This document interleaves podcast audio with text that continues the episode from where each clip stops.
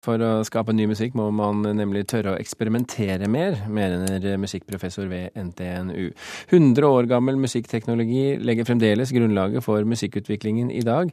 Og både snakkende og selvspillende orgel blir testet ut i Trondheim for å prøve å finne nye måter å spille musikk på.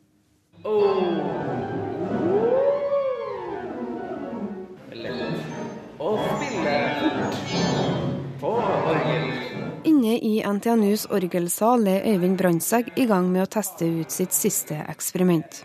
Professoren i musikkteknologi står med en mikrofon i handa som er kobla til ei datamaskin. Datamaskinen oversetter stemmen hans og forteller orgelet hva det skal spille, altså et snakkende orgel. Vi kan ikke fortsette å spille Mozart hele verdenshistorien. Vi må finne på noe nytt.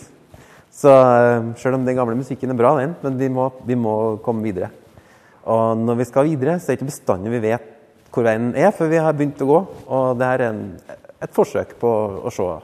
Kanskje det finnes noe bra. Kanskje det ikke finnes noe bra. vet ikke. Sånn. Da skal vi prøve. Åpenbart noen ting som ikke virker. I jakten på noe nytt jobber også Brandtzæg med et selvspillende orgel. Selvspillende piano har eksistert i rundt 100 år, og teknikken er den samme. Men nå er det datamaskiner som styrer, og det gir uante muligheter. Altså Et av de stykkene vi skal spille i kveld, har 200 toner i sekundet. Og det er ingen menneskelige utøvere som klarer å spille det. Men den musikalske effekten kan vi ha bruk for. Det er ikke noen grunn for å stoppe der hvor fingrene våre ikke klarer noe mer. Så hvis vi har musikalske behov for å spille enda fortere eller enda mer samtidig, så er det en god mulighet til å gjøre det.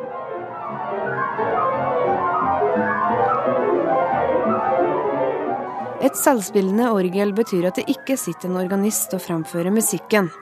Derfor er Brandtzæg litt spent på hvordan publikum vil reagere under konserten. Det er klart, det blir en spesiell framføringssituasjon. Vi diskuterte her før i dag. Kommer folk til å klappe etter låtene? For det er jo ingen som står her og gjør noe. Det er datamaskiner som spiller på akustiske instrumenter. Vi hører lyden i rommet. Og når låta er ferdig, skal man klappe man, eller klapper man ikke? Musikken er skrevet av Conlon Nancarrow, kjent som den mest eksperimentelle innenfor selvspillende piano. I fjor feira en hel verden Nancarrows 100-årsdag. I Trondheim er musikken hans arrangert for selvspillende piano og orgel for første gang, og slikt blir det konsert av.